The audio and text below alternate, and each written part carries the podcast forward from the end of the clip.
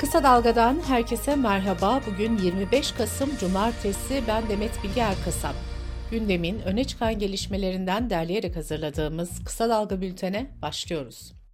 Bugün kadına yönelik şiddete karşı Uluslararası Mücadele Günü.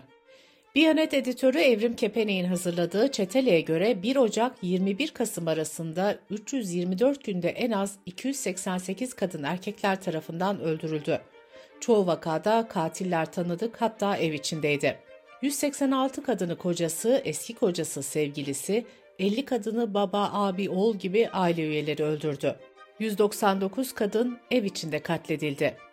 Türkiye, kadına yönelik şiddetle mücadele için en kapsamlı sözleşme olan İstanbul Sözleşmesi'nden Mart 2021'de Cumhurbaşkanı kararıyla ayrılmıştı. İyi Parti'de sular durulmuyor. Partisinden ihracı istenen İyi Parti Sakarya Milletvekili Ümit Dikbayır vahim iddialar ortaya attı. Dikbayır, Genel Başkan Yardımcısı Sedat Aksakallı'nın iş insanlarından para topladığını ancak bu paranın kendisine teslim edilmediğini öne sürdü. Aksakallı'nın bu parayı İyi Parti Genel Başkanı Meral Akşener'in özel kalem müdürü Esma Beker'e verdiğini söyleyen Dikbayır, partisinden istifa etmeyeceğini de yineledi. Dikbayır'ın suçlamalarında adı geçen Esma Bekar ise iddiaların asılsız olduğunu söyledi ve hukuki süreç başlatacağını duyurdu. Bu arada İyi Parti'nin kasasında 132 milyon liranın eksik olduğu iddiası vardı. Hürriyet yazarı Abdülkadir Selvi ise bu tespitin yapılması halinde Yargıtay'ın harekete geçebileceğini yazdı. Ankara Cumhuriyet Başsavcılığı'nın eski Ülke Ocakları Genel Başkanı Sinan Ateş cinayetine ilişkin yürüttüğü soruşturmada sona geliniyor. Doğçe Velle Türkçe'den Alican Uludağ soruşturmaya ilişkin son bilgileri aktardı. Soruşturmada şüpheli olan dönemin MHP milletvekili Olcay Kılavuz'un cinayetten sonra eski Ülke Ocakları yöneticisi Tolgahan Demirbaş tarafından FaceTime üzerinden arandığı belirtildi. Sinan Ateş cinayeti soruşturmasını yürüten savcı ve Ankara Cumhuriyet Başsavcısının Orhun Haber adlı sosyal medya hesabından hedef gösterilmesine ilişkin iki kişi gözaltına alınmıştı. Alican Uludağ'ın haberine göre gözaltına alınan iki kişiden biri Ülke Ocakları Genel Başkan Yardımcısı Mert Kerim Ejder. Dilan Polat ve Engin Polat soruşturması sırasında ortaya çıkan vahim tablonun ardından MASAK inceleme kapsamını genişletti. NTV'nin haberine göre MASAK, internet veya sosyal medya üzerinden ticaret yapan, gelir elde eden tüm hesapları incelemeye aldı. Aşama aşama bütün hesapların ve isimlerin gözden geçirileceği belirtildi. Gazeteci Murat Ağrel, Tuzla Spor'u araştırırken Eyüp Spor Başkanı ve Galatasaray Kongre üyesine ulaştım başlıklı yazısının ardından bir spor yayınında tehdit edildi. YouTube'da program yapan Nevzat Dindar ve Alper Mert, ayağını denk al, bir bakmışsın sizin selamınız okunuyor ifadeleriyle Murat Ağrel'i tehdit etti. Gündemdeki önemli davalardan biri de Denizbank Büyükdere Şube Müdürü Seçil Erzan'la ilgili yargılama. Erzan yüksek kar getirili fon vaadiyle Arda Turan, Muslera, Emre Belezoğlu ve Fatih Terim gibi isimlerin de aralarında bulunduğu pek çok kişiyi dolandırmakla suçlanıyor. Seçil Erzan'ın 226 yıla kadar hapsi isteniyor. Halk TV'nin haberine göre Fatih Terim soruşturma kapsamında verdiği ifadede fonla uzaktan yakından alakasının olmadığını söyledi. Gazeteci İsmail Saymaz ise Sözcü'de yayınlanan yazısında Fatih Terim fonunda batırılan servetin tablosunu çıkardı. İsmail Saymaz'ın aktardığına göre 29 şikayetçi 44 milyon dolarını ve 15,5 milyon lirasını Erzan'a kaptırdı. Toplam miktar ise 1 milyar 260 milyon lirayı buluyor. Kaç kişinin ne kadar para verdiği ve batık paranın nereye gittiyse belirsiz. 24 Kasım Öğretmenler Günü'nde Eğitim İş Sendikası'nın açıkladığı anket eğitimcilerin yaşam koşullarına dair vahim bir tabloyu ortaya koydu. Ankete 4516 kişi katıldı. Cumhuriyet'ten Figen Atalay'ın haberine göre öğretmenlerin %23.9'u ek iş yaptığını söyledi. %65.7'sinin esnafa borcu var. %56.2'si maaş hesaplarında sürekli eksiye düştüğünü söyledi. Öğretmenlerin %72.4'ü ise geçinemedikleri için yakınlarından ya da arkadaşlarından maddi yardım alıyor. Şanlıurfa'da Öğretmenler Günü kutlamalarına şiddet haberi gölge düşürdü. Bir okulda yangın merdiveninden inmemesi için uyarılan öğrencinin yakınları okulu bastı. Müdürle 3 öğretmeni darbeden 4 kişi gözaltına alındı.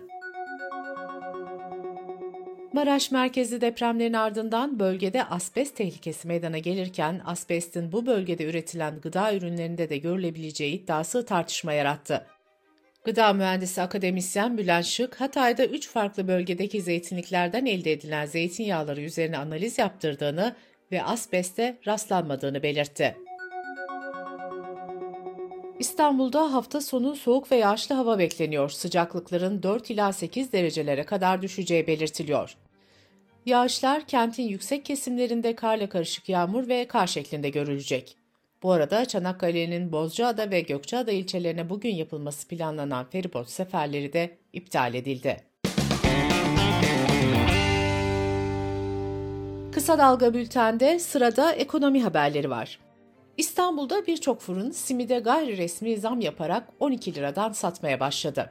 Cumhuriyet Gazetesi'nin haberine göre esnaf %20'lik gizli zammı maliyetlere dayanamıyoruz, cezayı göze alıyoruz sözleriyle açıkladı. 5 kişilik bir aile 3 öğün çay simit yese en az 8550 lira ödemek zorunda. Türkiye'de asgari ücret 11402 lira. En düşük emekli maaşı ise 7500 lira. Türkiye Esnaf ve Sanatkarları Konfederasyonu Başkanı Bendevi Palandöken yılbaşından bu yana sigaraya 5 kez zam yapıldığını söyledi. Palandöken'in açıklamasına göre Ocak 2023'te 29 lira olan sigaranın fiyatı 55 liraya yükseldi. Palandöken zamların acilen durdurulmasını istedi. Türkiye Odalar ve Borsalar Birliği Ekim ayına ilişkin kurulan ve kapanan şirket istatistiklerini açıkladı. Kurulan şirket sayısı %1.3 oranında artarak 11.124'e yükseldi. Kapanan şirket sayısındaki artış ise %12.3 oldu ve kapanan şirket sayısı 2246 olarak kayıtlara geçti. Yıllık olarak bakıldığında kurulan şirket sayısı %10.6 azalırken kapanan şirket sayısı %31.7 oranında arttı. Merkez Bankası verilerine göre kredi kartı harcamaları indirim kampanyalarında etkisiyle Kasım ayında rekor kırdı. 17 Kasım'la biten haftada toplam işlem tutarı 198 milyar lirayı aştı. Türkiye'nin 2023 yılı 3. çeyrek büyüme verileri Perşembe günü açıklanacak. Anadolu Ajansı Finans'ın anketine göre %5.19 büyüme bekleniyor. Ekonomistlerin 2023 yıl sonuna ilişkin büyüme beklentilerinin ortalaması ise %4.3 düzeyinde gerçekleşti. Türkiye ekonomisi geçen yılın aynı çeyreğinde %4.1, 2023 yılının ikinci çeyreğinde ise %3.8 büyüme kaydetmişti. Dış politika ve dünyadan gelişmelerle bültenimize devam ediyoruz. İsrail ile Hamas'ın üzerinde anlaşmaya vardı. Ateşkes dün sabah yürürlüğe girdi. Ateşkesin en az 4 gün sürmesi öngörülüyor. Ateşkese arabuluculuk yapan Katar ise bu sürenin 10 güne kadar uzatılabileceğini belirtiyor. İsrail ordusu ateşkesin başlamasından birkaç dakika önce sosyal medyada paylaştığı videoda savaş daha sona ermedi dedi ve Gazze'lilerden kuzeye geçmemelerini istedi. Ateşkes başladıktan sonra ise İsrail ordusu Gazze şeridinin güneyinden kuzeyine dönmeye çalışan Filistinlilere ateş açtı. Bu arada Gazze'deki Sağlık Bakanlığı 7 Ekim'den bu yana çoğu kadın ve çocuk olmak üzere yaklaşık 15 bin Filistinlinin öldürüldüğünü duyurdu. İsrail bombardımanı altındaki Gazze şeridinde erken doğumlarda üçte bir oranında arttı. Dünya Sağlık Örgütü verilerine göre Gazze'deki yeni doğan ölümleri dünya toplamının %68'ine denk geliyor. Türkiye Barolar Birliği, İsrail'in Gazze'de işlediği suçlarla ilgili Uluslararası Ceza Mahkemesi nezdinde başvuruda bulundu. Hollanda'da Müslümanları ve göçmenleri hedef alan aşırı sağcı Gert Wilders'ın seçim zaferinin ardından yüzlerce kişi sokaklara döküldü.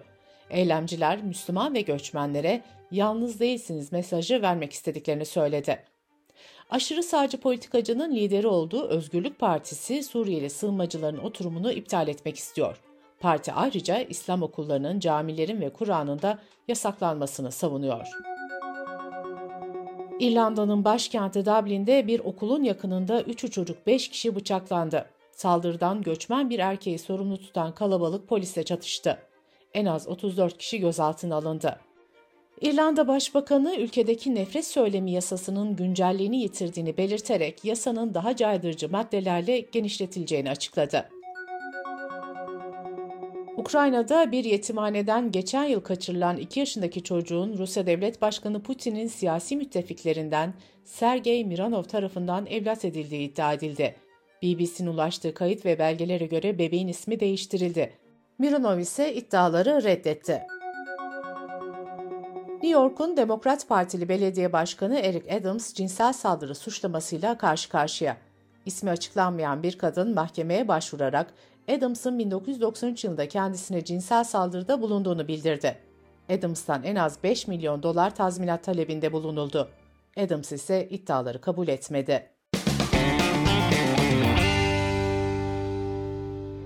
Bültenimizi kısa dalgadan bir öneriyle bitiriyoruz. Jeoloji Mühendisler Odası Yönetim Kurulu Başkanı Hüseyin Alan, kısa dalgadan Esra Tokat'ın depremle ilgili sorularını yanıtlıyor. Esra Tokat'ın söylesini kısa dalga.net adresimizden ve podcast platformlarından dinleyebilirsiniz.